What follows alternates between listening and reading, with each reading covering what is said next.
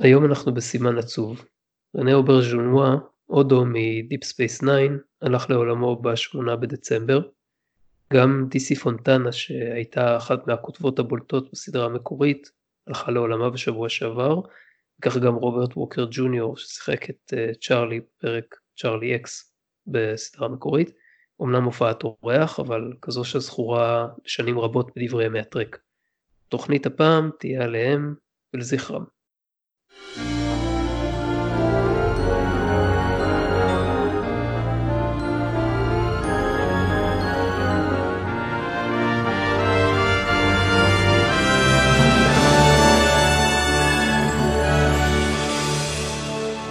אהלן אלכס.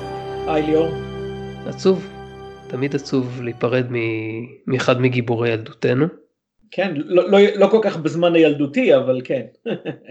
כן, בשבילי כן, בשבילך גיבור שאני מניח שליווה אותך הרבה שנים בלי קשר. כן, שחקן נהדר, וארחיב עליו בקרוב.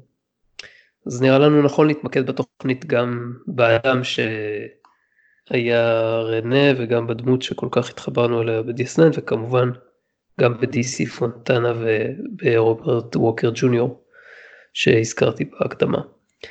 אה, לפני זה קצת חדשות ממה שיש לנו בינתיים. שני שורטרקס חדשים יצאו באותו יום לפני שלושה שלושה ארבעה ימים מאז שאנחנו כאילו מקליטים את הפרק הזה. E-Frame and Dot ו-The Girl Who Made the Stars שניהם באנימציה כל אחד בסגנון uh, ייחודי משלו. שזה משהו שמאוד מבדיל אותם מכל השורטרקס האחרים שיצאו עד עכשיו. E-Frame and Dot מספרים על איזשהו קשר בין הטרדיגריד המאוס הזה לבין איזה דרויד.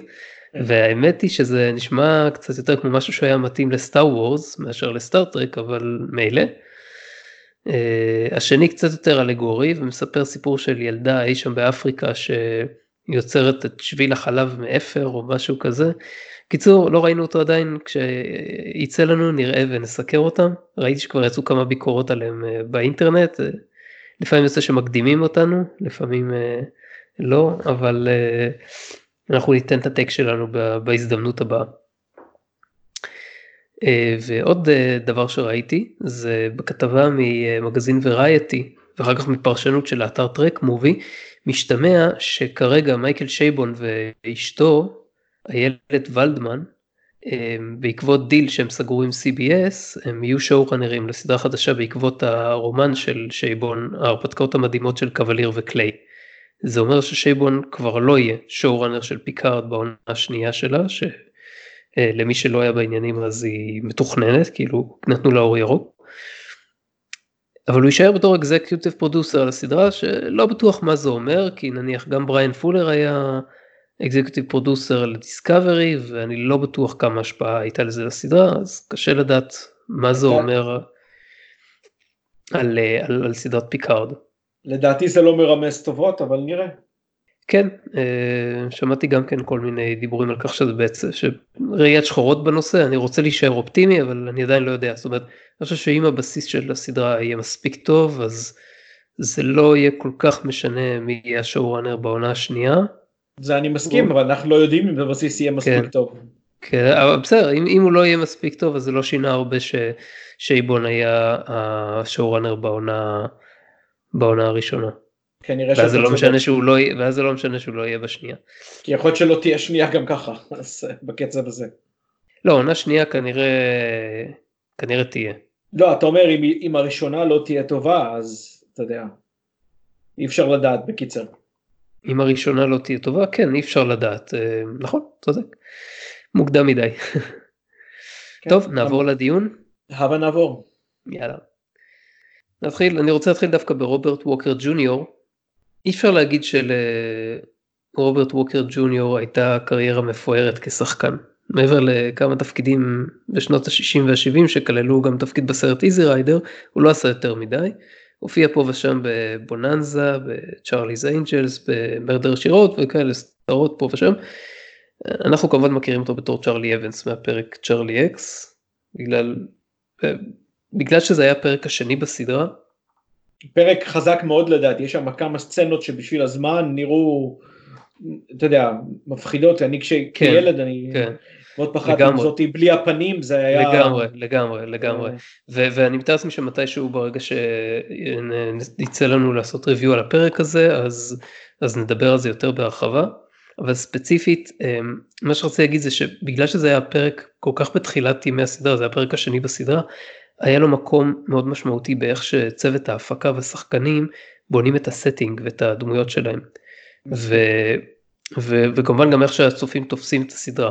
עכשיו, הוא, הוא מאוד משמעותי בעיניי מהבחינה הזאת, כי הדמות של, של אה, Charlie X, של צ'ארלי אבנס, הייתה אה, משמעותית כדי שאנחנו כצופים נקבל את הרושם של איך הסדרה מתייחסת למקרים של חייזרים במרכאות, כן, כמובן כי הוא לא היה חייזר במלוא מובן המילה, טרגיים כאלה.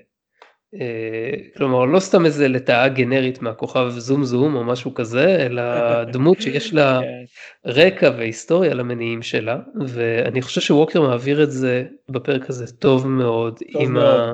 טוב מאוד. עם הדגש הנכון על זה שצ'רלי הוא בעצם ילד שחסר לו קשר עם בני אדם והוא והפער הזה שהוא מתמודד איתו גורם לו לעשות את הדברים שהוא עושה שהם והפרק לא, אתה יודע, לא מסתיר את זה שהדברים האלה בלתי נסלחים ברובד מסוים. לחלוטין לא. גם, לכן גם יש לך כאילו את, ה, את הספינה שמגיעה בסוף ומתקנת את רוב הנזקים שהוא עשה, כדי שאיכשהו כן. הציבור, הצופים יוכל, יוכלו לבלוע את זה ולא לראות בו דמות שטנית לגמרי, אבל זה משאיר אותך עם איזשהו, איזשהו פער וזה מצוין כי זה נותן לך נותן לך הבנה של איך הסדרה הזאת הולכת להיות. הסדרה הזאת לא הולכת להיות עם סוף טוב לגמרי ב-100% בכל פרק, אולי ככה 90-95%. כן. וזה דבר, וזה דבר שונה כי, כי בסדרות של אותה תקופה היה לך אסקפיזם, אה, אה, סדרות היו בעצם צורה של אסקפיזם. והסדרה הזאת בעצם באה ומתיחה לך משהו בפנים, היא מתיחה לך את זה שכאילו יש, אה, יש לפעמים תוצאים אה, לא טובים של המציאות שהם, אה, שצריך להתמודד איתם. אוקיי, okay, כן. אה, רציתי לציין שווקר היה סך הכל בן 26 ובלי הרבה ניסיון לפני כשהוא גילם את הדמות, שזה עוד טסטמנט לאיכות המשחק שלו. כן. ממה, ש, ממה שקראתי הוא לא עשה כל כך הרבה לפני ואחרי, זאת אומרת הייתה לו קריירה יותר יותר prolific אחרי זה כבר ממה שהיה כן. לו כן. אמ, אני לא יודע אם הפרק הזה היה עכשיו איזשהו break אה, מבחינתו, זאת אומרת לא, לא בדקתי את, אה, את הצפיפות של התפקידים שהוא קיבל לפני ואחרי ההופעה הזאת, אבל אין לי ספק שבתרבות הפופולרית הדמות שלו של, של צ'ארלי נתפסת כמשהו שאנשים יזהו אם הם מכירים את הסדרה בכלל. ללא ספק, ואני כן עקבתי אחרי הכרונולוגיה של התפקידים שלו, ואני יכול להגיד לך שקודם כל ברמה, ב-level הישראלי, אה, למרות שזו לא סדרה ישראלית, אבל לנו כ- כ- כמי שגדל על זה, אני לפחות, ובמיתולוגיה של, של, של הטלוויזיה הישראלית, הייתה את הסדרה המפורסמת The Time Tunnel, מנהרת הזמן, mm-hmm. אז uh, התפקיד הבא שלו אחרי, אחרי סטארטרק זה היה במנהרת הזמן, והוא שיחק את לא פחות מבילי דה קיד. אמ, זה היה אבל אה, אה, לא, לא recurring role זה היה כאילו חד פעמי.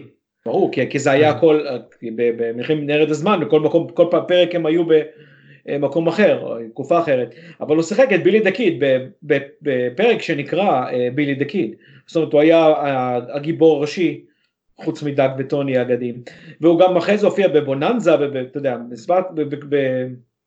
בסדרות שהיו מפורסמות בתקופה. כן, כן. אז uh, אני, לדעת, וגם אפילו בערך 12 שנה יותר מאוחר בסטיב אוסטין באיש שישה מיליון הדולר, אז uh, לדעתי זה ללא ספק היה פרק מפתח מבחינת הקריירה שלו. זה מעניין שאתה אומר את זה כי זה מאוד מתקשר למה שאני הולך uh, להגיד, מה שאנחנו הולכים לדבר עליו תכף, שזה על ה... לזכרה הבא. אני רוצה לדבר על דיסי פונטנה. אוקיי. Okay. דיסי פונטנה הייתה, הוא בשמה המלא דורתי קת'רין פונטנה, היא הייתה אחת מהכותבות המשפיעות של אה, הסדרה המקורית של סטארטרק, והיא כתבה גם את הפרק צ'ארלי אקס. והיא כתבה גם לעוד פרקים שבהם רוברט ווקר אה, ג'וניור שיחק, גם לבוננזה וגם ל-6 מיליון דולר מן. איזה ו... אירוני. כן. טוב, אני לא יודע עד כמה זה חריג בנוף, זאת אומרת, יש הרבה שחקנים שעברו דרך, סליחה, שעברו דרך סטארט-טרק במרכאות, ויש הרבה כותבים שכתבו גם לסטארט-טרק, גם לסדרות אחרות באותה תקופה, אז יכול להיות שזה היה דבר די נפוץ, אבל אה, אני, זאת אומרת, זה, יש, יש בזה משהו קצת אה, גורלי ששניהם אה, הלכו לעולמם באותה תקופה. לגבי אה, דיסי פונטנה היא כמובן בחרה בשם הזה כמנהג של אותם ימים ולפעמים גם היום של הספת מין הכותב כדי למנוע שיפוט מראש. הן על ידי ההפקה שעבורה היא כתבה והן על ידי הצופים כי היא שולחת להם את התסריטים למשל עם השם דורת'י קת'רין פונטנה זה יכול היה להשפיע משמעותית על אה, אם התסריט הזה ייזרק לפח או לא. ולגבי הצופים אני זוכר שבעצמי כשראיתי את ה... ראיתי את סטארטרק uh, בפעמים הראשונות אז uh, השם שלו הופיע כמובן בקרדיטים והיה כתוב DC פונטנה ולא עלה בדעתי שזה אישה.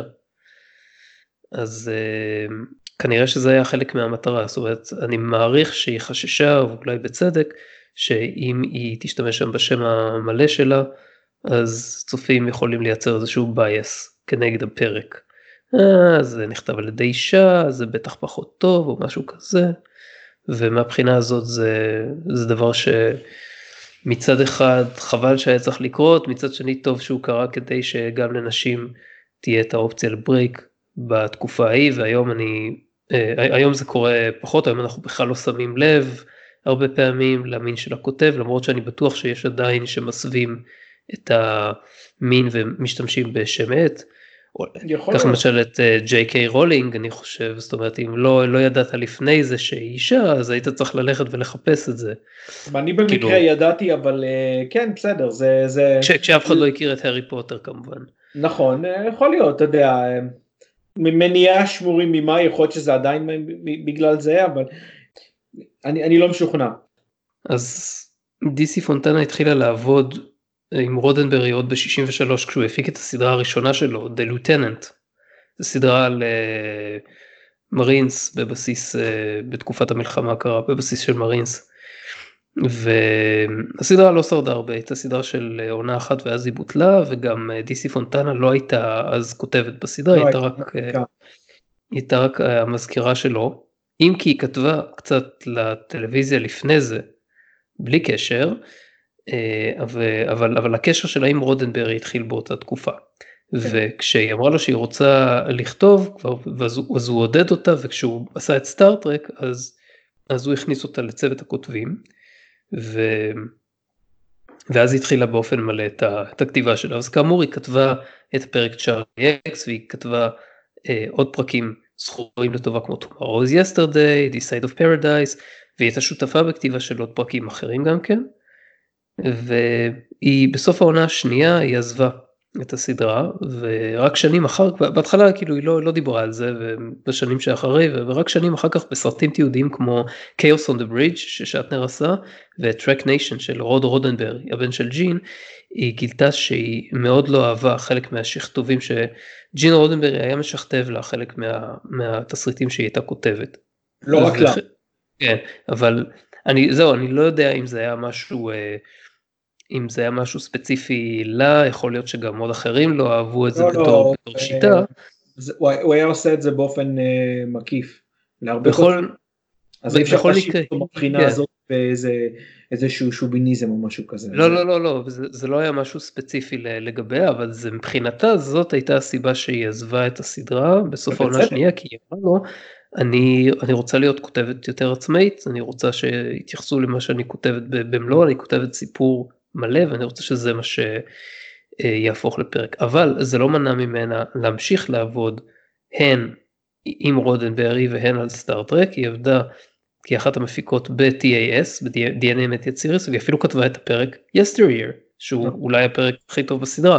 אני נוטה להסכים איתך. רציתי רק לציין כי לפני שאתה עובר קדימה אל דורותי אל די סי פונטנה זה שהיא הייתה גם story editor בשתי העונות הראשונות של סטארטרק המקורית. לא רק נכון, נכון. היה לה, היה, לה, היה לה משקל ב, ב, ב, בכיוון שהסיפורים התפתחו. אז אה, לזכותה כמובן האדירה ייאמר. נכון, לחלוטין. מאוחר יותר ב, ב, בשנות ה-80 כשהתחילה העבודה על TNG אז היא הצטרפה לצוות הכותבים של העונה הראשונה והיא כתבה uh, יחד עם רודנברי את Encounter at Farpoint את הפיילוט. והפיילוט הזה היה מועמד להוגו אם כי אני חושב שהוא לא זכה בסוף אבל גם זה גם זה משהו. מועמד להוגו זה כבוד גדול. כן כן בהחלט והיא כתבה היא כתבה עוד פרקים בעונה הראשונה too short a season. אה, ו... שכיסינו אני חושב. של סליחה? שכיסינו את הפרק הזה. לא הזכרנו אותו מתישהו אבל לא כיסינו אותו. אוקיי. אוקיי. בשלב מאוחר יותר אז רודנברי עשה איזה פיבוט ו... החליף את צוות הכותבים, לא רק אותה, כן, גם היא עזבה, אבל גם כותבים אחרים שהוא הביא איתו מהצוות של הסדרה המקורית אה, עזבו, או הוא עזבו, ו... ונכנסו כותבים צעירים יותר, רעננים יותר, נקרא לזה ככה. אם כי אני לא חושב שאפשר לבוא ולהגיד שזה כאילו מקרה של לפני ואחרי, כי העונה... השנייה עדיין הייתה במידה רבה מונחית על ידי רודנברי ורק בעונה השלישית שאז כבר הוא כבר לא היה בחיים אז הוא לא אז הוא כבר לא היה לא היה מעורב כל כך בניווט כמו שהוא היה לפני כן. ויש לציין שגם בעונה הראשונה והשנייה לא בטוח שזה היה כל רודנברי הייתה אחריות גדולה למוריס פרלי שאנחנו כבר דיברנו הזכרנו מספר כן פעם. כן אבל אני חושב שלפחות בעונה הראשונה הוא היה מאוד דומיננטי. מאוד מאוד. בכל מקרה אז אמ, אבל רודנברג היה... הוא זה שהביא אותו בכל מקרה אז זה לא, כן. לא מקרי הוא שמח עליו גם. אז ב, באותם סרטים באותם סרטים ספציפית בסרט התיעודי של Trek Nation היא מזכירה בריאיון איתה שהיה לה קונפליקט די רציני עם רודנברי באותה תקופה של אה, TNG והיא הזכירה שזה היה נדמה לי העורך דין שלו שגרם לה לרצות uh, לפרוש סופית מהסדרה. גם הוא ידוע לשמצה, אה, ליאונרד מייזליש. כן, ו... קצת מוציא את העניין בין, בין, עם ניחוחות, אתה יודע, טיפה אה, של הפרוטוקולים של זקן ציון כאלה, אבל... אה, לא יודע, לא הייתי לוקח. העורך דין היהודי שבוחש בעניינים, זה, אתה יודע, זה... עזוב, וזה לא במקרה, הוא יכול היה להיות באותה מידה לא יהודי, וזה לא היה משנה שום דבר. אבל זה, זה, זה הוזכר בכל מיני סרטים תיעודיים גם כן. אני לא אומר שהוא לא היה, אתה יודע, אה, כולנו יודעים על ברני מיידוף, אבל אה, אתה יודע, זה פשוט, זה קצת, זה תמיד הציק לי קצת העניין הזה. למרות שללא ספק הוא היה מעורב בכמה מהדברים היותר נבזיים שקרו בהפקה של העונות הראשונות.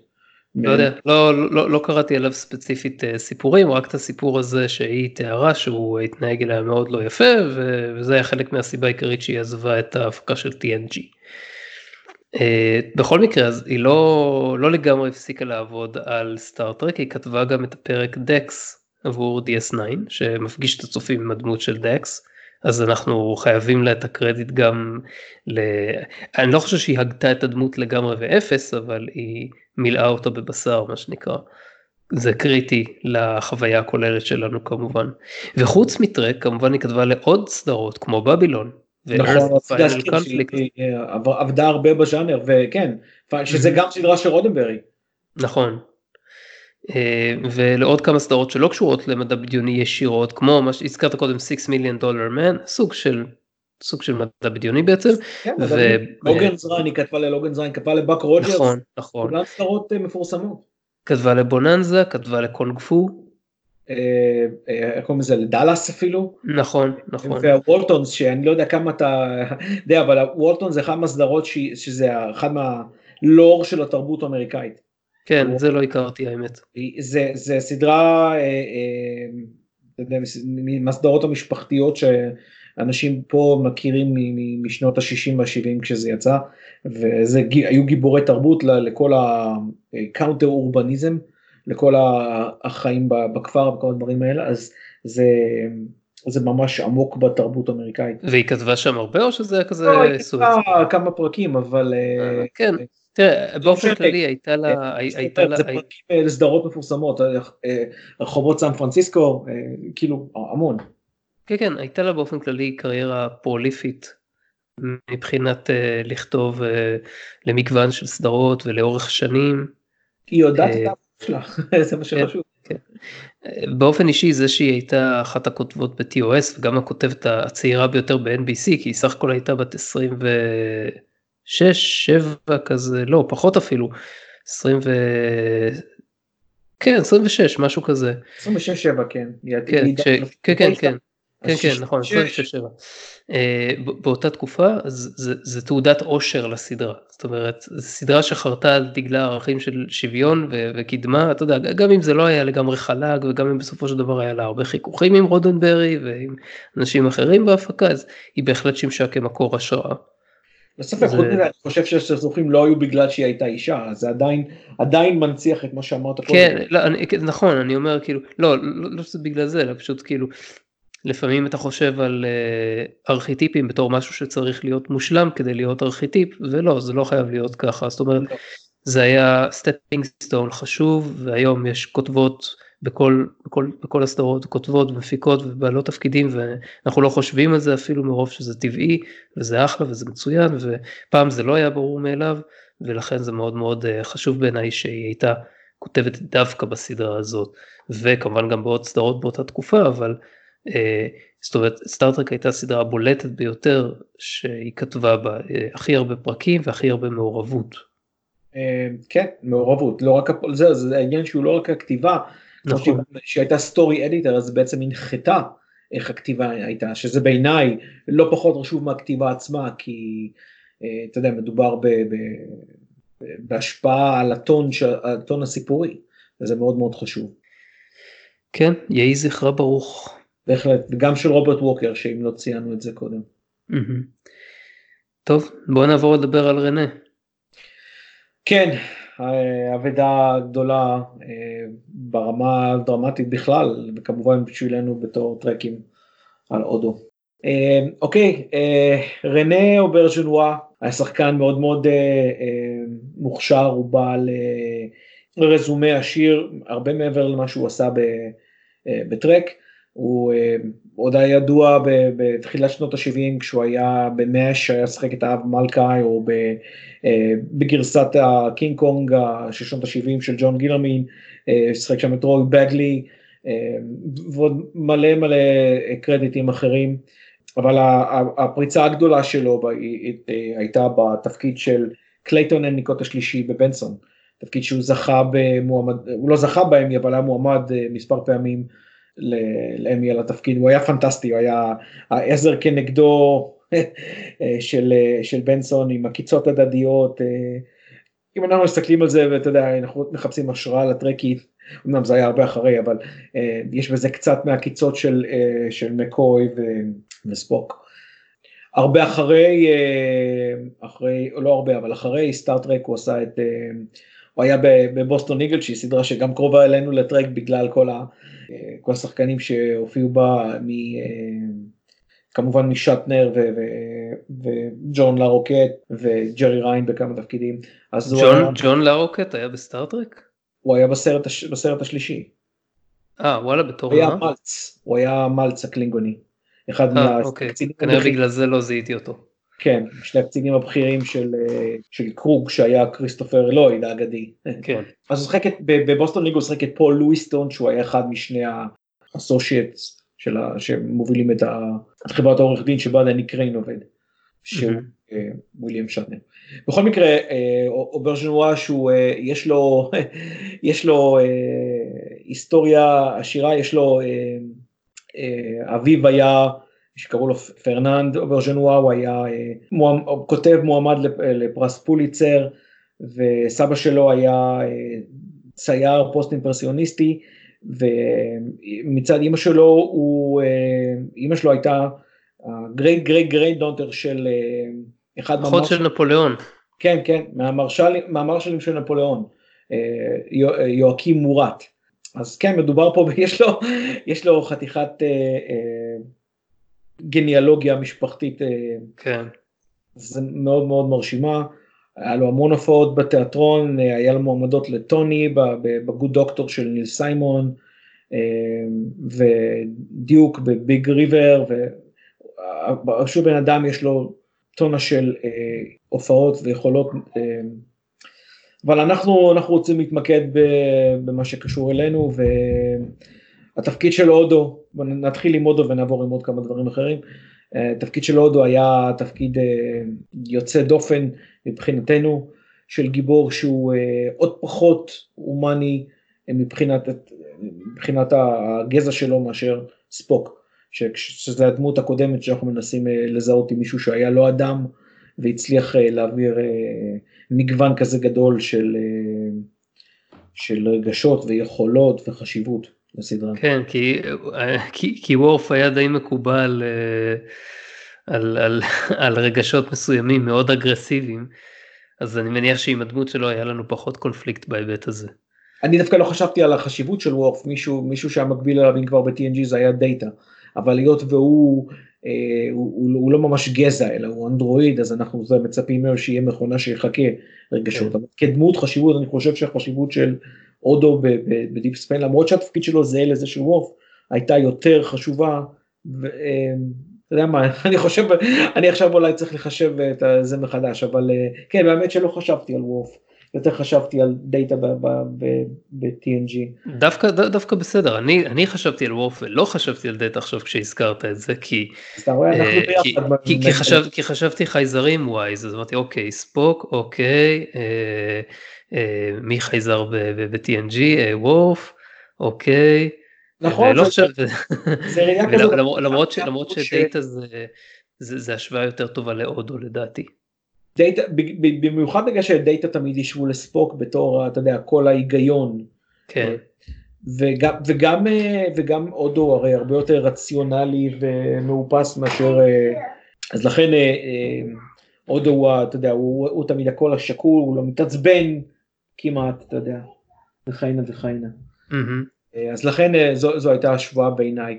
אני מנסה לחשוב מי היה אחריו, אם כבר, אתה יודע, מי... ניליק זה בטח לא, כי זה הכל של... טובוק. טובוק. טוב, אתה יודע, פה אנחנו חוזרים עוד פעם לבולקני. טובוק, ואחר כך תפול, כן, אין הפתעות יותר מדי. כן, יש אה, שזה קצת מאכזב, אתה יודע. וכן. חושב על זה. ובדיסקאברי אז יש לך חצי מברנם אני מניח אם אתה מתעקש. ו... גם אתה צריך למצוא ההפך אתה צריך למצוא את הבן אדם.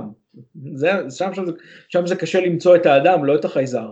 טוב, אתה יודע, בהמשך הסדרה זה טיפה משתנה, אבל uh, מאוד משתנה, אבל uh, uh, יש, לך, יש לך גם את סארו, אבל לא משנה, אלה כבר דוגמאות שהן מאוד סוטות מה... כן, לא, בוא, בוא, בוא, בוא נתרכז בה עד, עד, כן. עד וכולל אנטרפרייז. כן, שקצת קשה, ואתה צודק, זה, זה קצת מציק באמת שעוד פעם חזרו לוולקני, כי לא היה משהו אחר. למרות שאתה יודע, בוויאג'ר, אתה יודע, בגלל שיש גם ניליקס, וגם אה, כן אבל ניליקס הוא סתם חייזר הוא לא הוא, אה, הוא לא קול ההיגיון בשום אה, אופן הוא סתם לא, סרח עודף. לא, ההפך זה כל העניין הוא בדיוק ההפך. הוא בדיוק ההפך מקול ההיגיון. רגע אבל איך הגענו לדבר על ניליקס אנחנו מכלים פה דקות הקלטה יקרות. אתה צודק. בוא בוא בוא בוא בוא נחזור להודו אני רוצה להגיד בהקשר למה שאתה אומר שזה היה רעיון דווקא ממש ממש מקורי לעבוד איתו כמו שעבדו איתו כי אם, אה, אם, אם ספוק נולד מתוך הצורך לייצר אה, כאילו אנטיתזה למקוי, ודאטה נולד מתוך הצורך לקחת אה, רובוט ולראות אם הוא יכול להיות אנושי, אז אודו היה משהו שהוא לא בדיוק זה ולא בדיוק זה, כי זה לא שהגזע שלו הוא גזע לוגיקני, וזה גם לא שאודו עצמו היה אה, נטול רגשות באופן אה, רשמי כמו לא, אבל הוא היה כל ההיגיון הוא היה הרבה יותר שקול ורגוע משאר הדמויות שם. הוא, הוא, הוא היה אבל גם גם הוא, הוא גם הפגין רגש בצורות מאוד מאוד באות לידי ביטוי זה, זה בעיקר בהתחלה זה היה רגשות של כאילו משהו שנע בין שעמום ל, ל, להיות מעוצבן כאילו irritated לא מעוצבן. Angry. שעמום כמו אדישות. כן, אה, ולקח לי להתרגל, לקח לי להתרגל לדמות שלו הרבה זמן, בהתחלה ממש שנאתי אותו, וזה לא היה לי, ממש לא היה לי ככה עם דמויות אחרות ב-DS9, למשל דקס וקירה ואובריין, התחברתי ממש מהתחלה, אובריין כבר הכרתי אותו מלפני, אתה יודע, לא כל כך לעומק הלכו איתו ב-TNG, אבל כבר... אובריין זה הייתה הדמות, עד כן. שוורף הגיע, אובריין הייתה הדמות האהובה עליי. לגמרי, דקס אהבתי. את דקס אהבתי מהרגע הראשון, את קירה גם אהבתי, כאילו גם הדמות שלה הייתה צריכה קצת להתניע, אבל, אבל, אבל אהבתי אותה, אהבתי את הקונספט, ואת אודו כאילו ממש שנאתי בהתחלה, חשבתי שהוא פוץ והוא משוחק בנוקשות מדי ולא משתלב שם, ו, ו, ואני חושב שסיפור הרקע שבנו לו בסופו של דבר לגבי איך שהוא, כאילו מה שהוא היה בזמן הכיבוש הקרדסי, זה היה... אה, זה היה מעולה כדי להסביר איך הוא הגיע להיות מה שהוא היה ואיך הוא היה צריך לפתח את המנגנונים שהיו אצלו כל כך אה, כשבאו לידי ביטוי ועצרו את הרגשות שלו בפנים למעשה למרות שהוא בעצם deep inside הוא, הוא בן אדם עם חמלה ועם כאילו הוא לא בן אדם אבל הוא person כן אתה יודע person כן אין לנו מילה טובה לזה בעברית. לא אבל זה, בדיוק, זה בדיוק העניין בגלל שהוא חייזר מסוג שאנחנו לא ראינו לפני זה הוא, אתה יודע, הוא, לא ה-humanoid הרגיל שתמיד, אה, אה, חוץ מהוולקנים, הוא prone, אתה יודע, בעצם לאותו דברים כמו, כמו בני אדם. אז נכון שהקלינגונים הם הרבה יותר עצבנים ולוחצים על כבוד, אבל הם עדיין, אתה יודע, בשר ודם, אה, שמחים, עצבניים, רומולנים הם יותר תככנים, אבל גם הם יכולים להיות שמחים, עצבניים, עצובים, אה, קרדסים, אותו דבר, אתה יודע, בסופו של דבר. אה, אה, אתה יודע, אנחנו לא יודעים מה הם ה-changeling עד, עד, אה, הדיפ ספייס 9 וגם בדיפ ספייס 9 זה מה שרציתי גם לציין אתה יודע מה, מה, מה היה קורה לאודו אילולא היו מביאים את הדומיניון כאויב ומציגים את female אה, וכל הדברים האלה מסביב. אז כל מה שאני יכול להגיד לגבי זה זה שאודו במידה רבה האישיות שלו היא תוצר של החברה שבה הוא התפתח ולא של הגזע שלו. לא יש אלמנטים מהגזע שלו כמובן אבל אין ספק שהאישיות שלו עוצבה בהיותו קונסטבל. שזה בפני עצמו מעניין למה בחרו במונח הזה שהוא הרי מונח בריטי בלבד. אה, לציין אה, איש, איש משטרה לא פוליס אופיסר או, או כן, זה, כן, האמת שלא חשבתי על זה לעומק, זה כאילו בהתחלה כמובן בתור ילד לא הכרתי את המילה, אבל אחרי זה כשקראתי את זה קצת הבנתי שזה סוג של שוטר, כאילו, כפר. בהיררכיה, בהיררכיה הבריטית, אה, שוטר סלאש, אה, אתה יודע, סוג של שריף כזה. לא, לא, לא, לא, לא, שוטר כפר, אה, זה כאילו הדרגה נמוכה ביותר, זה constable. מה זה שונה, אה זה כאילו היה גם שריף, כאילו היה מישהו מעל ה constable בהיררכיה הבריטית של אותה תקופה שבה היה constable? כן, היה מפקד המשטרה המקומי. הבנתי. זה מה שהבריטים כינו בסלנג בובי. כן, נכון. הוא היה כאילו, הוא היה ה-lowest strong of the ladder, אבל במקומות קטנים שהיה פחות ופחות מהם, אז היה להם חשיבות יותר גדולה. אבל הוא עדיין, אבל גם בלונדון הוא היו, היו קונסטבלס, אלה, אלה היו הגרנט של הכוח משטרה, אלה שעשו את העבודה הפיזית. אולי רצו להמחיש את זה בסדרה שהוא כאילו ש-DS9 זה סוג של קהילה קטנה יחסית ושבה הוא צריך להכיר הרבה מאוד מהם באופן אישי. נכון. ואז הוא כאילו... שהחשיבות שלו הרבה יותר גבוהה היא מזו של הקונסטבל, אלא אם כן זה במקום ממש קטן. כן. זה מעניין, זה פשוט אה, אה, סוג של, אתה יודע, אה, אה, אנקדוטה מעניינת על איך ולמה. אה, אבל בכל מקרה אתה צודק שהוא אמר, אמרת בהתחלה שהוא היה משחק בנוקשות משהו ואני חושב שזה היה לא, לא יכול, בוודאי שזה לא היכולות המשחק של רנה אלא אה, איך שהסדרה התעצבה וכמה שיותר אה, נכנס סגול השיער לעניין וכהנה וכהנה. עם הזמן הוא, הוא, הוא, הוא למד, השחקן הוא ברז'ונה, הוא למד להביע אותו בצורה הרבה יותר טבעית ומלאה בניואנסים, שזה משהו שאי אפשר להגיד על כל הדמויות, נניח, אני לא, מה שאמרתי על דקס קודם שאני מאוד אהבתי את הדמות מההתחלה אבל אני לא מרגיש שהדמות שלה התפתחה יותר מדי. כאילו רק בשלב שבו היא ווורף מתחילים לפתח את מערכת היחסים שלהם אז כאילו יש יותר פוקוס בה אבל הדמות שלה היא יחסית די קונסיסטנטית לאורך הסדרה וזה גם כן, קונסיסטנטי ברקע שלה. היא התחילה הרבה יותר עגולה מאודו גם ככה. כן זה, אבל, זה, זה נכון זה, זה קונסיסטנטי עם, עם הרקע שלה אבל uh, במקרה של הודו היה פה אתגר לכותבים ולשחקן להביא את הדמות שלו למשהו ל, ל, ל, לידי פיתוח. ולכן וזה לא, לא ברור מאליו. זה היה זה לא היה אשמתו של השחקן אני אומר שלדעתי זו הייתה אין, לא אין פה אין פה אשמה זה לא זה לא אשמה זה זה תמיד תמיד זה תמיד בהתחלה שבכל הסדרות השחקנים מגששים את דרכם וזה בסדר אל השחקנים אין לי אין לי טענות אף פעם יש לי אם יש לי טענות זה, זה תמיד לכותבים ולהפקה אני מסכים לגבי. איכות הסיפורים. אני מסכים איתך. אני עם. עם הדמויות, את הדמויות אני יכול, אני יכול לעשות את השעיית אי האמון לגבי למה הם לא לגמרי זורמים, במיוחד בדיעבד אחרי שכבר אה, ראינו כמה עונות, אבל גם בהתחלה. לא, תשמע, לפעמים יש שחקנים שפשוט לא מי יודע מה, והם לא מובן לך למה הם נבחרו לשחק תפקיד זה או אחר. אבל באופן כללי, בסדרות שבהם יש, אה, אתה יודע, תפקידים אה, עם, עם פרקים נרחבים, והשחקנים מופיעים לאורך זמן, אז ברור שהטענה שלך לא יכולה להיות ברובה לשחקנים. ורוב המקרים זה באמת לא השחקנים, זה כמו שאתה אומר, הכותבים, המפיקים, הצוות הקריאטיבי וכהנה וכהנה. בדרך כלל זה לא השחקנים שקובעים את הטון, אבל מדי פעם יש כאלה, ואודו, רנה בתור אודו אחד מהם, שמגדירים את הדמות, כמו, ש, כמו שברנט ספיינר האדיר מגדיר את דאטה. אני לא יכול לראות אף אחד במקומו שמשחק אותו. נכון, למשל אני יכול לראות מישהו אחר משחק את בשיר, אבל לא את אודו. אה, יכול להיות, אה, תשמע, אה, אני חושב ש...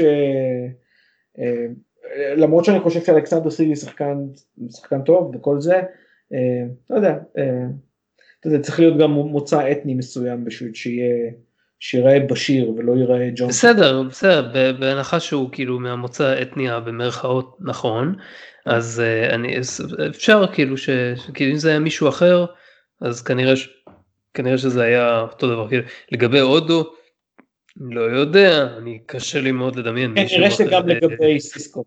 היו כמה הופעות של, של, של אודו בסדרה שהיו מבחינתי זכורות בצורה מאוד מאוד בולטת כ sidestep מהאופן שבו ברז'ונואה משחק אותו בדרך כלל.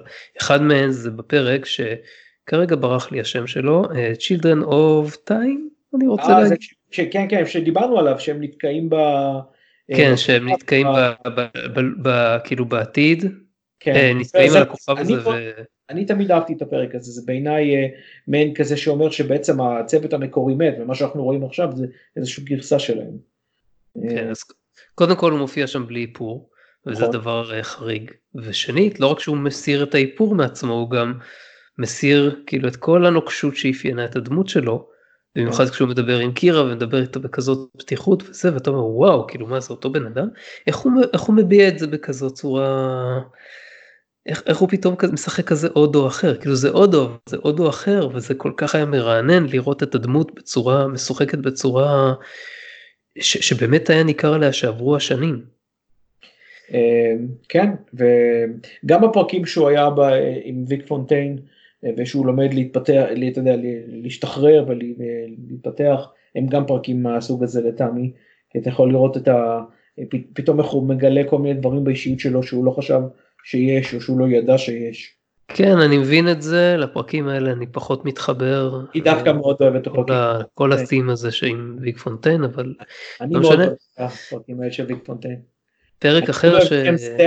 כי אתה יודע שהוא היה, שדרך אגב שציינו קודם את את די.סי. פונטנה, סליחה את רוברט ווקר, אבל ג'יימס דארן הוא למעשה טוני ממנהרת הזמן. כן נכון. פרק אחר שהוא מבחינתי מהווה את רגע השיא של רנה אוברז'נואה כאודו הוא בפרק The Die is Cast שם גרק חוקר אותו וזאת המקבילה של אוברז'נואה לפטריק סטיוארט ב-Chain of Command. אמנם שום דבר לא השתנה ל-Chain of Command אבל זה הגיע די קרוב עד כמה שמשהו יכול להגיע קרוב לצ'יין. ואני זאת אומרת בתור בתור מי ש... כאילו אתה מחליט שני הפרקים האלה כשני הפרקים האהובים עליך של של TNG כשאתה מזכיר את זה בכזה לא לא לא לא פשוט מבחינת קודם כל זה לא יודע זה בטוח בטופ 5 שלי של TNG אבל אני לא לא לא אוהב דרק יותר מדי ברזולוציה מעבר לזה.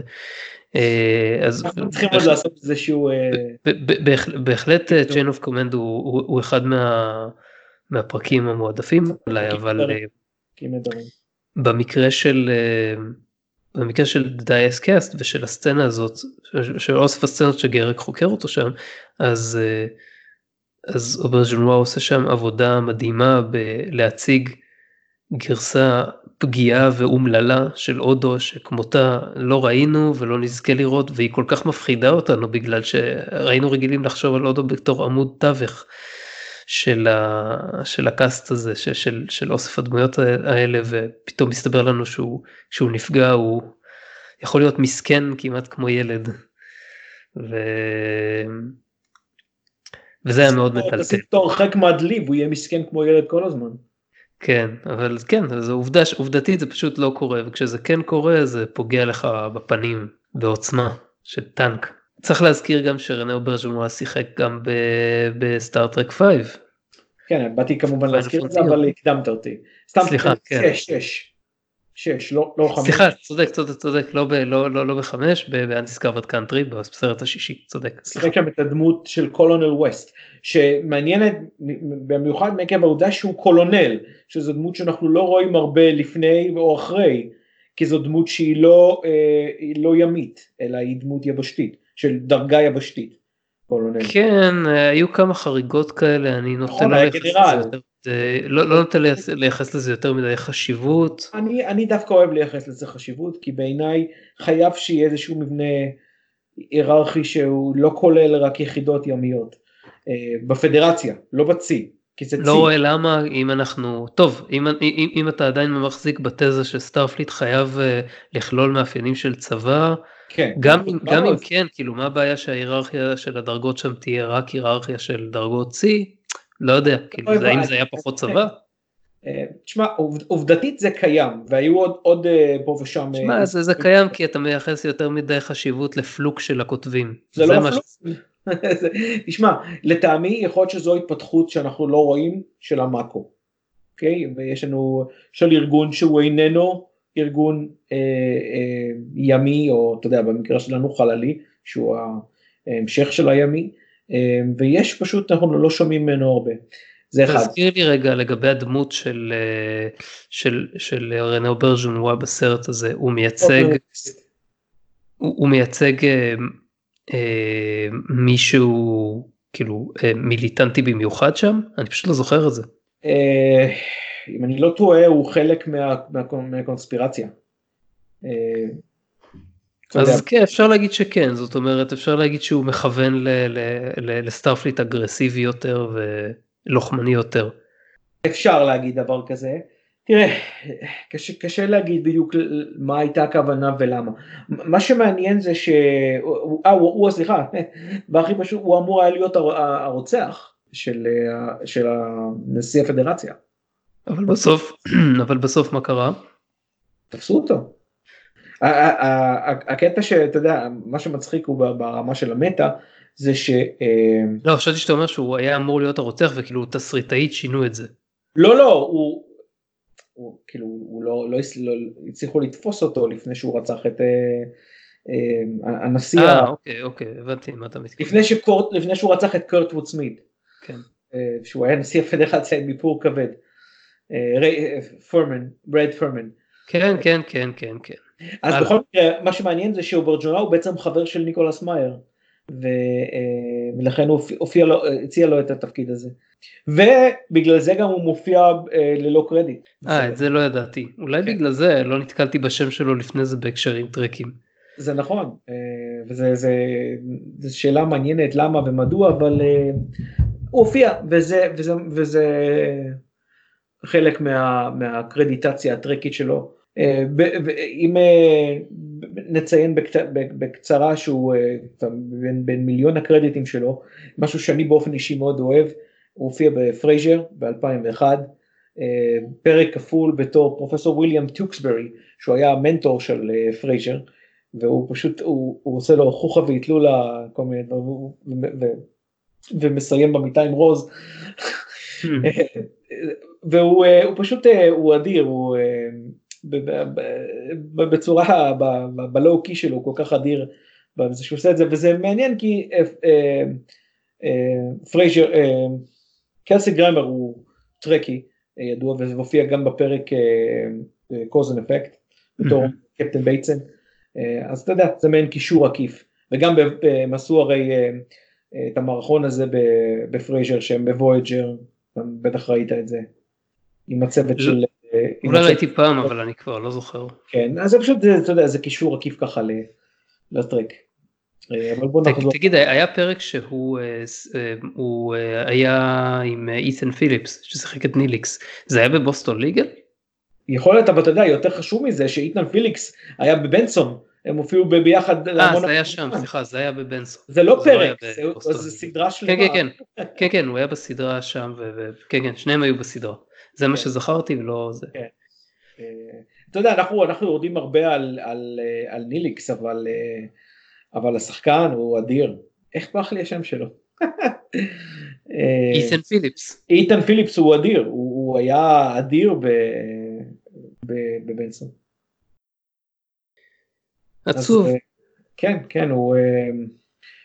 תשמע, הרבה הרבה דברים, אנחנו, אתה יודע, בקצרה עוד אפשר להוסיף, הוא הופיע בעוד הרבה סדרות שהם היו, גם אם בהופעות אורך או מספר פרקים, סדרות שהם היו ב, ב, ב, בתווך של הטלוויזיה האמריקאית, בין אם הם בעולם הטרק הוא הגיגדום הכללי, ובין אם לא, כמו, Jeffersons ובוב ניוארד ו-Wonder Woman ו-Charlie's Angels ו-Murder, She Wrote ופרקליטי LA ו-Outer Limits זה קשור מאוד לזה וסטארגייט.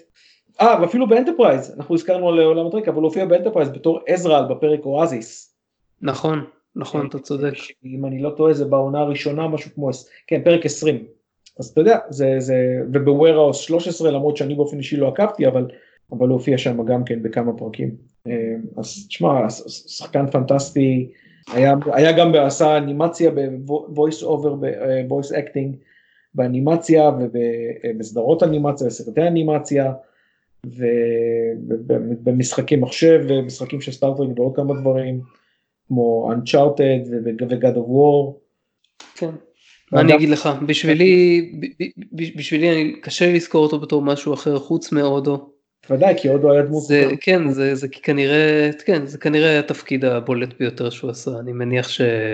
זאת אומרת, אני לא יודע, יכול להיות שהוא יסתכל אחורה ויגיד בנסון, אבל הודו היה תפקיד כל כך שונה מכל דבר אחר שהוא יכול היה לעשות בטלוויזיה. זה נכון, כי זה בגלל ש... שהוא שונה מכל דבר אחר. כן. זהו, נראה לי ש... נראה לי שנסיים פה ב... ב... בלדבר עליו. אחרת זה לא ייגמר. כן, ואני רוצה שנעבור לפרק, זאת אומרת נסיים את התוכנית שלנו בנימה קצת יותר, קצת יותר אופטימית מזה, ונדבר על הפרק שסקרנו לאחרונה. אנחנו מדברים על הפרק טיימלס, זה הפרק החמישי בעונה השישית של וויג'ר, סליחה, זה הפרק השישי בעונה החמישית של וויג'ר. הפרק הזה מתחיל כששתי דמויות שמתגלות לנו כהרי קים וצ'קוטי נמצאות בעתיד כ-15 שנה אחרי הזמן מהפרק הקודם ובהדרגה מסתבר לצופים שהם מנסים לשנות את ההיסטוריה לגבי מה שקרה לוויג'ר 15 שנים קודם לכן.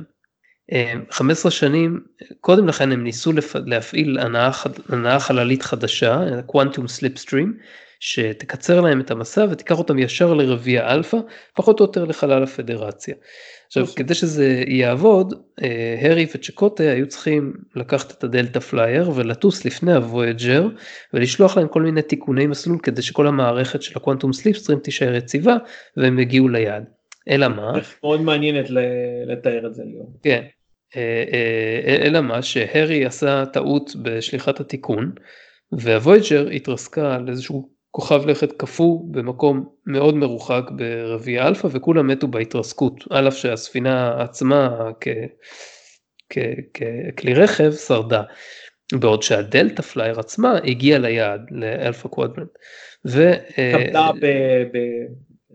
כן, והרי וצ'קוטה הם, הם אכולי רגשות אשם, הם כל ה-15 שנים הבאות האלה הם מבלים אותם בלנסות למצוא דרך לשלוח חזרה בזמן את התיקונים הנכונים, ושום דבר לא הולך לעצור אותם, אפילו לא קפטן ג'ורדי לפורג'. כן, שמופיע בקמיו והוא גם הבמאי של ה... בדיוק, נכון. אני גם, אני... אגיד בקצרה שבעצם מה שהם לוקים בו, צ'קוטי וקים, זה בעצם תופעה פסיכיאט, פסיכולוגית ידועה שנקראת Survivors Guild. כן, האמת שלא חשבתי על זה, זה ניתוח מעניין. זאת אומרת, מדובר על משהו הרבה יותר עמוק למעשה מרגשות אשם, אלא משהו שמניע אותם לפעולה במשך כל, ה...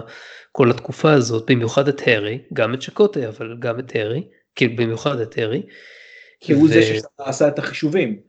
נכון, הוא, נכון. אמ, שקוטה יש לו חברה, אז אתה יודע, זה קצת... כן. כן, לא...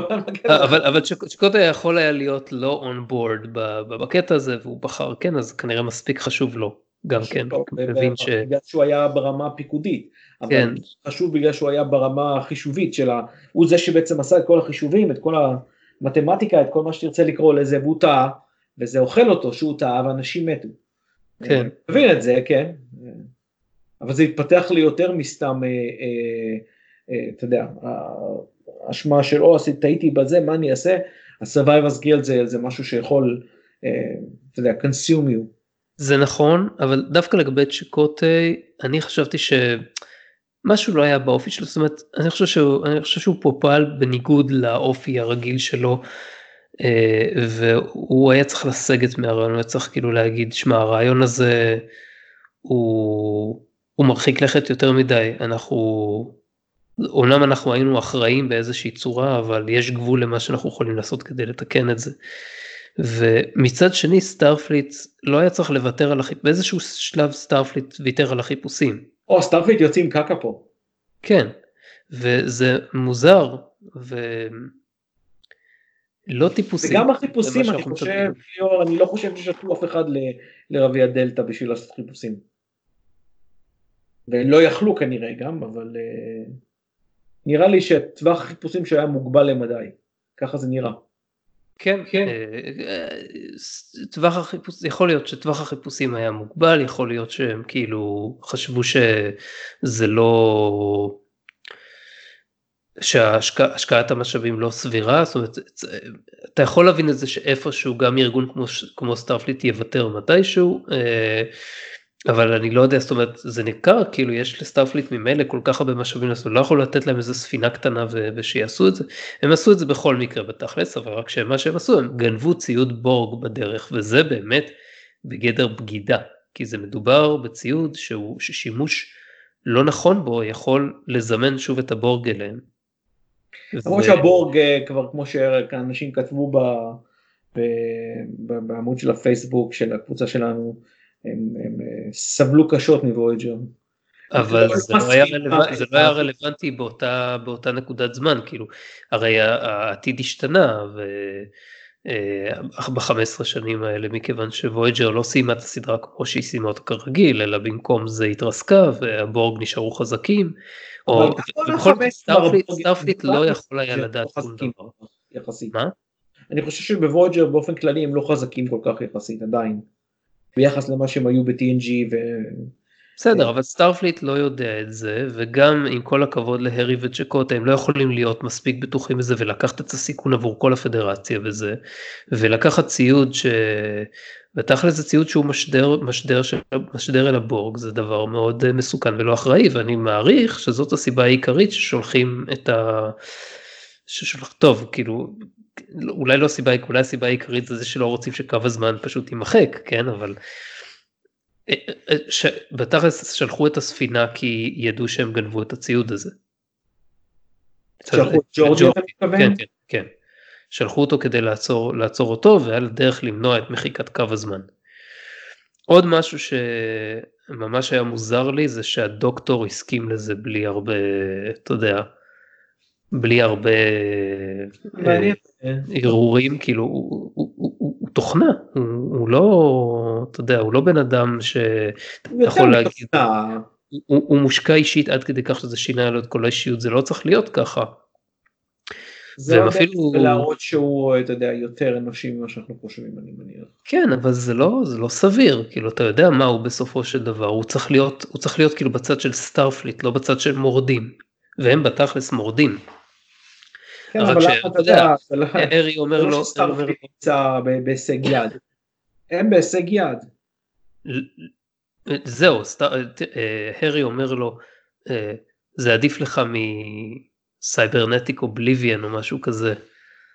כאילו שזה ישנה לו בכלל, אתה יודע, מה אכפת אבל כנראה שזה כן, אתה יודע, כי יש לו, הרי יש לה התפתחות של כל העניין הזה, הוא לא, יש לו אישיות וכל הדברים האלה, אז אתה יודע, לא יודע.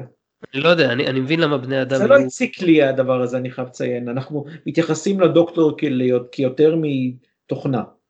זה נכון, זה artificial intelligence וכל הדברים האלה. זה נכון, אבל יש לו כאילו סאב רוטינס שהם מורו והם כאילו דברים שהם... אבל אם כבר היה תקדים מוריארטי ליאור ב-TNG, אז מה...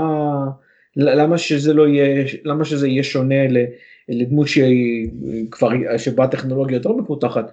לא, כי, כי, כי מוריארטי, כי, כי הדוקטור הוא משהו שפותח על ידי Starfleet.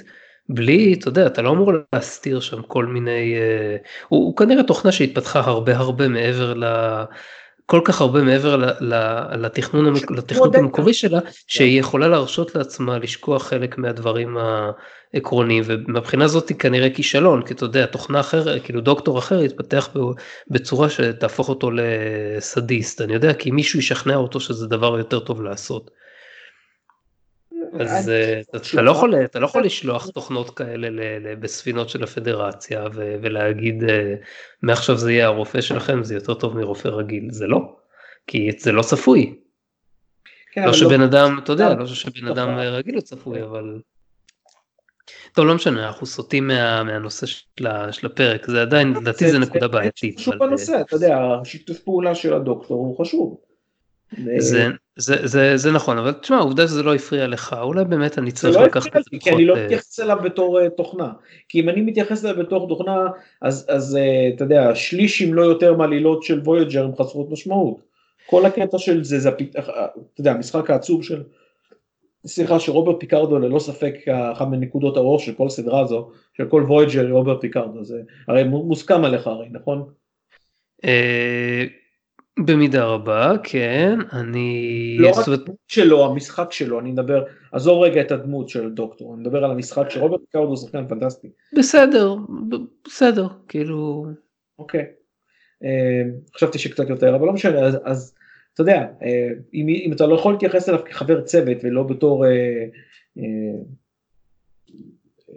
משהו שנכתב ב Python של העתיד, אז אתה יודע, העניין הוא די חסר משמעות. אז אני חייב לשים את העניין הזה בצד, זה לא ממש אה, משנה לי כמה מהר הוא שוכנע.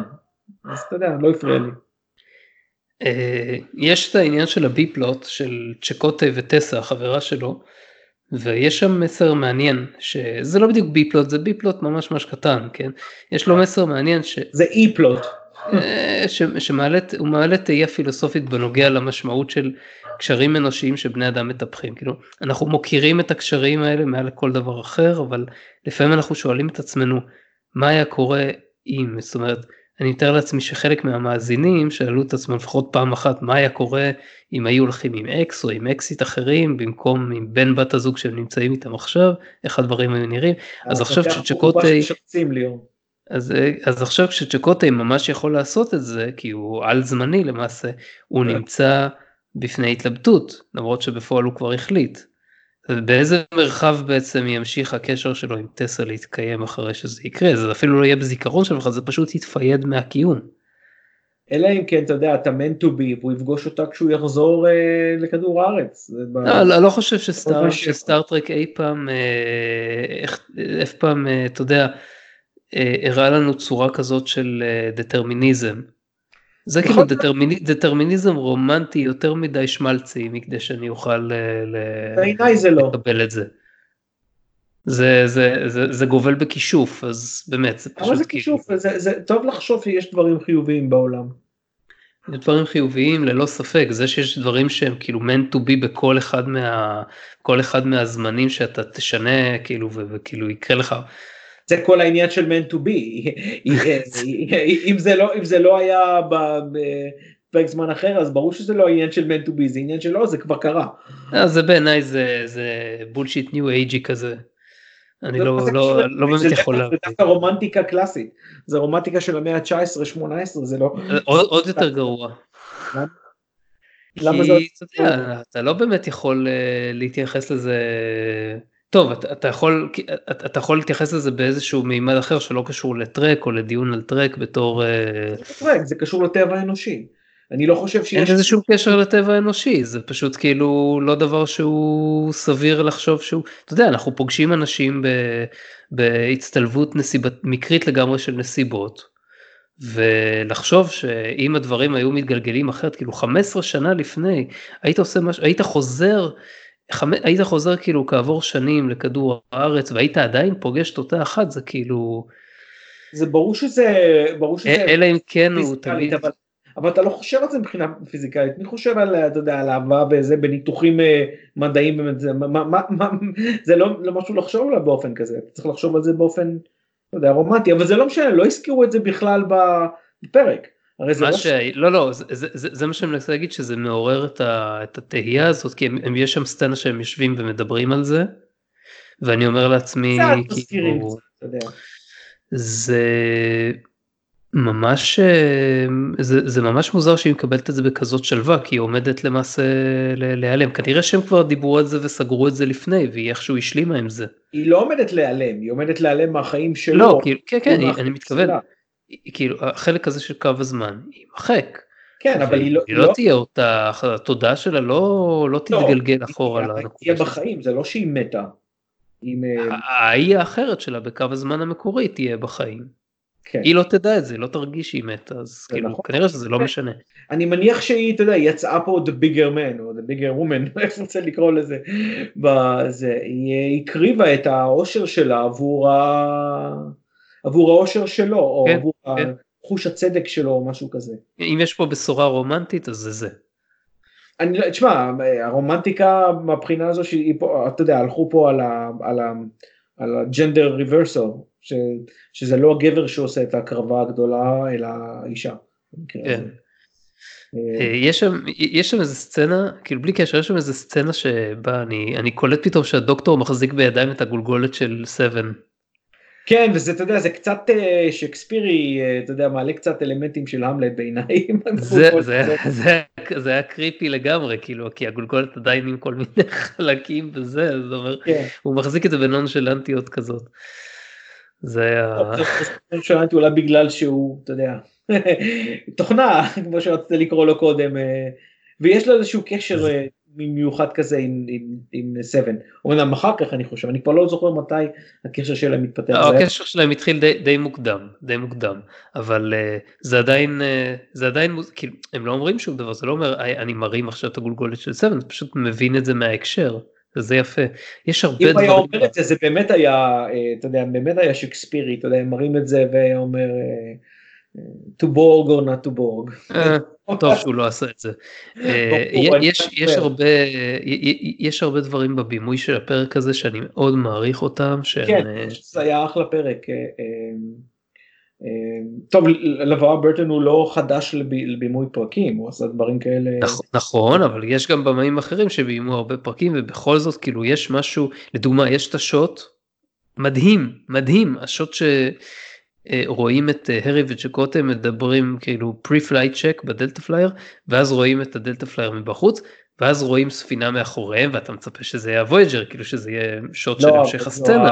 ה Challenger נכון משהו ואז כזה. מופיע ואז מופיע Galaxy class פתאום ואתה כזה אה, מה, מה זה שוט מסדרה אחרת? what the fuck? ואז אתה נזכר שג'ורדי בפרק הזה רודף אחריהם עם Galaxy class starship. כן, הסדרה שהוא מפקד עליה זה ה Challenger.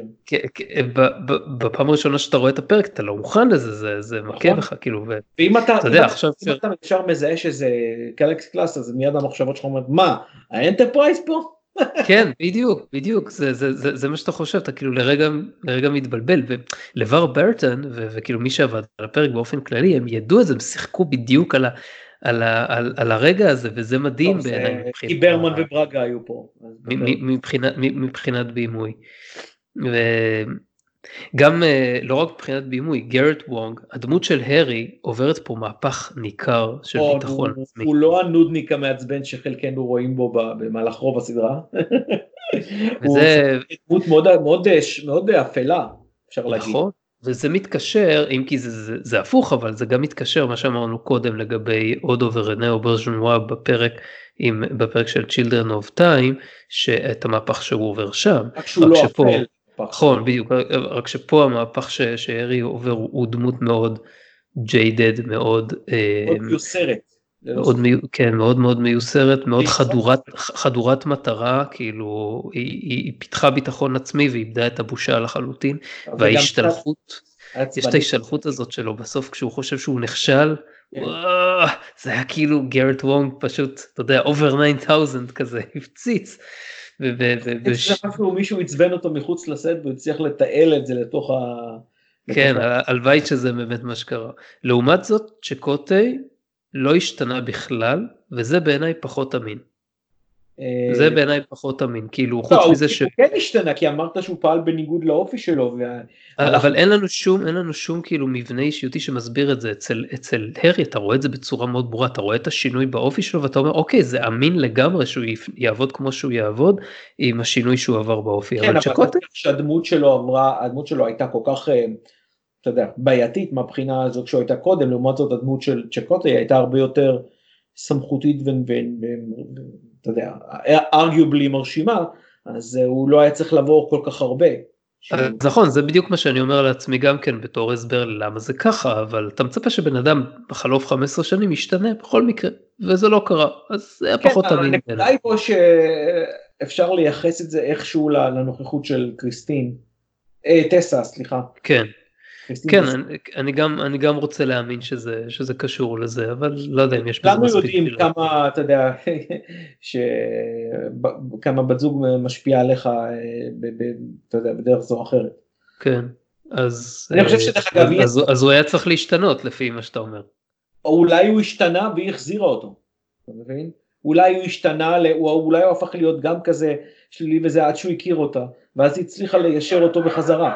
כי אז חבל שלא. חבל שלא זרקו על זה איזה משפט לפחות כדי להגיד משהו. אני מסכים, אבל לדעתי זה יכול להיות היה תיקון אה, הגיוני, כי, אה, אה, כי סך הכל הגרסה של צ'קוטה כמו שאנחנו רגילים לראות אותה, זו כנראה הגרסה הכי, הכי חיובית שלו. זאת אומרת, בוא נגיד אחרי שהוא עזב, הפך להיות, אחרי שהוא חזר מלהיות מנהיג של ה Maquis להיות קצין Star Trek, קצין Starfleet רשמי והכל טוב ויפה וכל זה, והוא מכובד ואנשים הולכים אחריו וכל זה, אז אה, יכול להיות שהוא באמת, אתה יודע, הוא לא, לא הגיע לאותם מחוזות כמו, אה, כמו קים, כי קים אה, הוא אתה יודע, הרבה יותר פגיע לדברים האלה, אבל, אה, אה, אה, אבל הוא, אתה יודע, הגיע לאיזשהו אה, משהו שלילי והיא צריכה להחזיר אותו, כי נראה שהיחסים שלהם הם מאוד, מאוד חמים ואוהבים. אה, נכון. במעט שאנחנו רואים. שגם, שאני רוצה לציין שלדעתי קריסטין הרנוש, זו השחקנית ששיחקה את uh, טסה, uh, עושה גם תפקיד טוב. אומנם היא לא הרבה נמצאת, אבל במעט שהיא משחקת לדעתי היא משחקת טוב. טוב, לא יודע, בעיניי כאילו הייתה למלם לגמרי. הייתה למלם, היית יכול להחליף אותה בבחורה שנמצאת לידה וזה היה אותו דבר לגמרי. יכול להיות. היא לחלוטין לא השאירה עליי שום רושם, סורי. היא השאירה עליו רושם. יש את הקטע שכאילו ג'ורדי מדבר איתם אחרי, שה... אחרי שהצ'לנג'ר אה, אה, כאילו אה, מיירטת אותם ו... והוא צודק כאילו זה בלתי נתפס מה שהם מנסים לעשות אם נעשה הכללה של מה שהזכרתי קודם לגבי המימד הפילוסופי של מה שקורה פה אבל האמת היא שההשלכות של הפעולה הזאת יבואו לידי ביטוי רק בכמה שניות של חרדה בקרב הצוותים של ה Delta Flyer והצו, והצוות של ג'ורדי ומה זה כמה שניות של חרדה לעומת 150 חיים שנספו? כאילו אה, האם לא באמת שווה לעשות את הדבר הזה?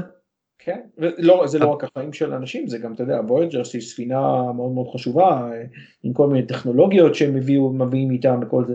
כן, והמידע, כן, המידע על ה Borg, בסופו של דבר אה, הפדרציה הרוויחה מזה, אבל אתה לא יודע, זאת אומרת, אם הם לא היו מצליחים לתקן את העבר, אז יכול להיות שה Borg היו שמים לב אליהם, ואולי זה מה ש... כמו שאמרנו בהתחלה, אולי זה מה ש Starfleet חשש ממנו, ובגלל זה הוא רצה לעצור את כל הפעולה הזאת. יכול להיות, לא יודע, אני, אה, אתה יודע, אני אמרתי לך, Starfleet יוצא לא איי איי פה בפרק הזה. אה, לטעמי הוא, הוא, אתה יודע, זה, זה יוצא שלילי. אני מבין שמה שהם עושים, אתה יודע, אבל לקרוא לזה טרוריסטים כאילו שהם מנסים לפגוע בפדרציה, זה, אתה יודע, זה, אני, אתה יודע, זה, זה מציק לי. עכשיו, זה, ו... זה בערך המונח טרוריזם, אתה מבין? בלי, בלי קשר ל, ל, להגדרה הספציפית, זאת אומרת, היה, פה, היה ברור פה שג'ורדי נשלח כדי לעצור את ה Delta Flyer, ו... זה נראה כאילו, זאת אומרת, הוא לא באמת, זה ניכר שהוא כאילו רוצה לתת להם קצת... leeway. כן, בדיוק, ולמרות זאת, כאילו חשבתי על זה שאם כל הדינמיקה של הסצנות האחרונות היא הייתה, הייתה איטית מדי וכאילו היא לא הייתה, לא הייתה הגיונית בעליל בהקשר הזה עדיף שהם היו מגיעים שהצ'לנג'ר הייתה מגיעה קצת יותר קרוב לפעולה האחרונה של הארי ומיד עוצרים אותם כי זה לא הגיוני שה... אתה יודע... להראות שזה ג'ורדי. וכל הדיאלוג. לא, בסדר, בסדר, היה אפשר להראות את כל זה, אבל כאילו מיד אחרי שהוא אה, מנסה לדבר איתם והם לא מסכימים, אז כאילו הוא יורה עליהם, ואז הארי בדיוק לוחץ על הדבר הזה ומשנה את, העבר. אה, וזה לא מה שקרה, כאילו הוא ניסה כמה פעמים, ואתה יודע, עברו דקות ארוכות עד שכל זה קרה, וה Delta Flyer קשוח ככל שיהיה, לא באמת מהווה אתגר ל Galaxy class שבטח עברה כמה refit ים מאז.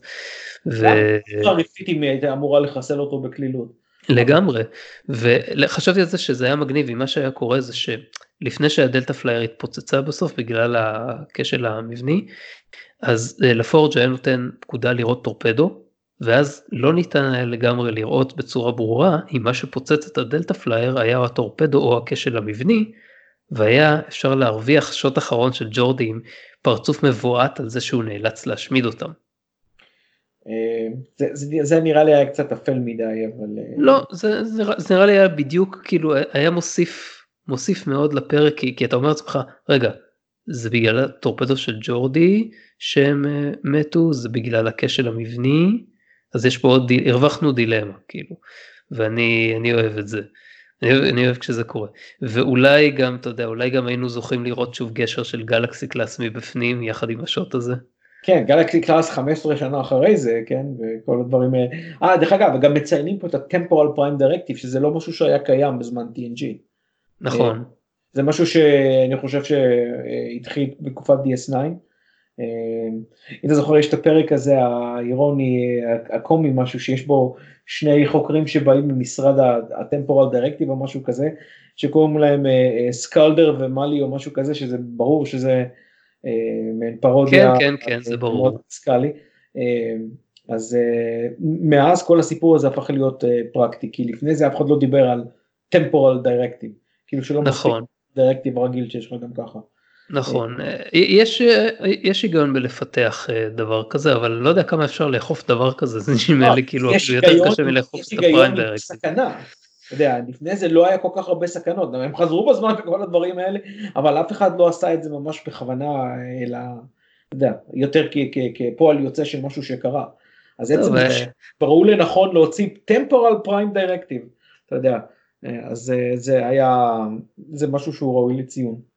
אמר כבר אה, סטיבן הוקינג אה, בזמנו, אה, אם מסע בזמן אפשרי, אז איפה כל האורחים מהעתיד?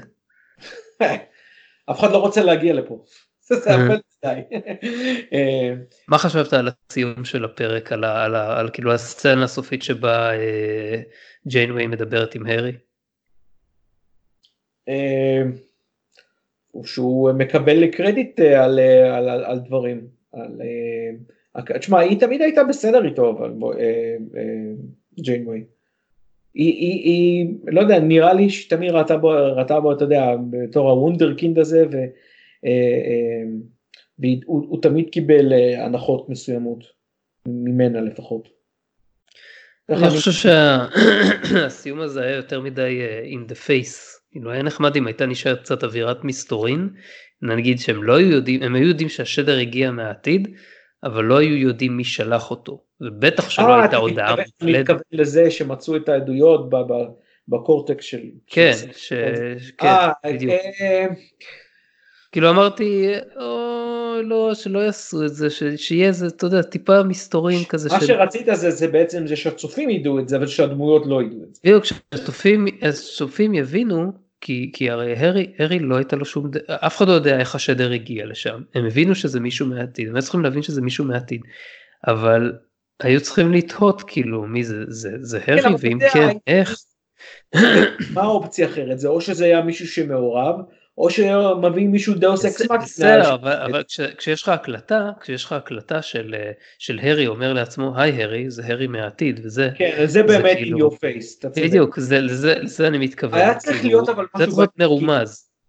אני מסכים, זה צריך להיות משהו מרומז, אבל גם לא, לא לגמרי מסתורי, כי אם זה היה מסתורי זה מריח כמו דאוס אקס מקינה, אתה מבין? או איזה מישהו ש... לא, אבל הצופים יודעים שזה לא דאוס אקס מקינה, אין בעיה עם זה, כאילו, זה שה... הם לא יודעים. ש...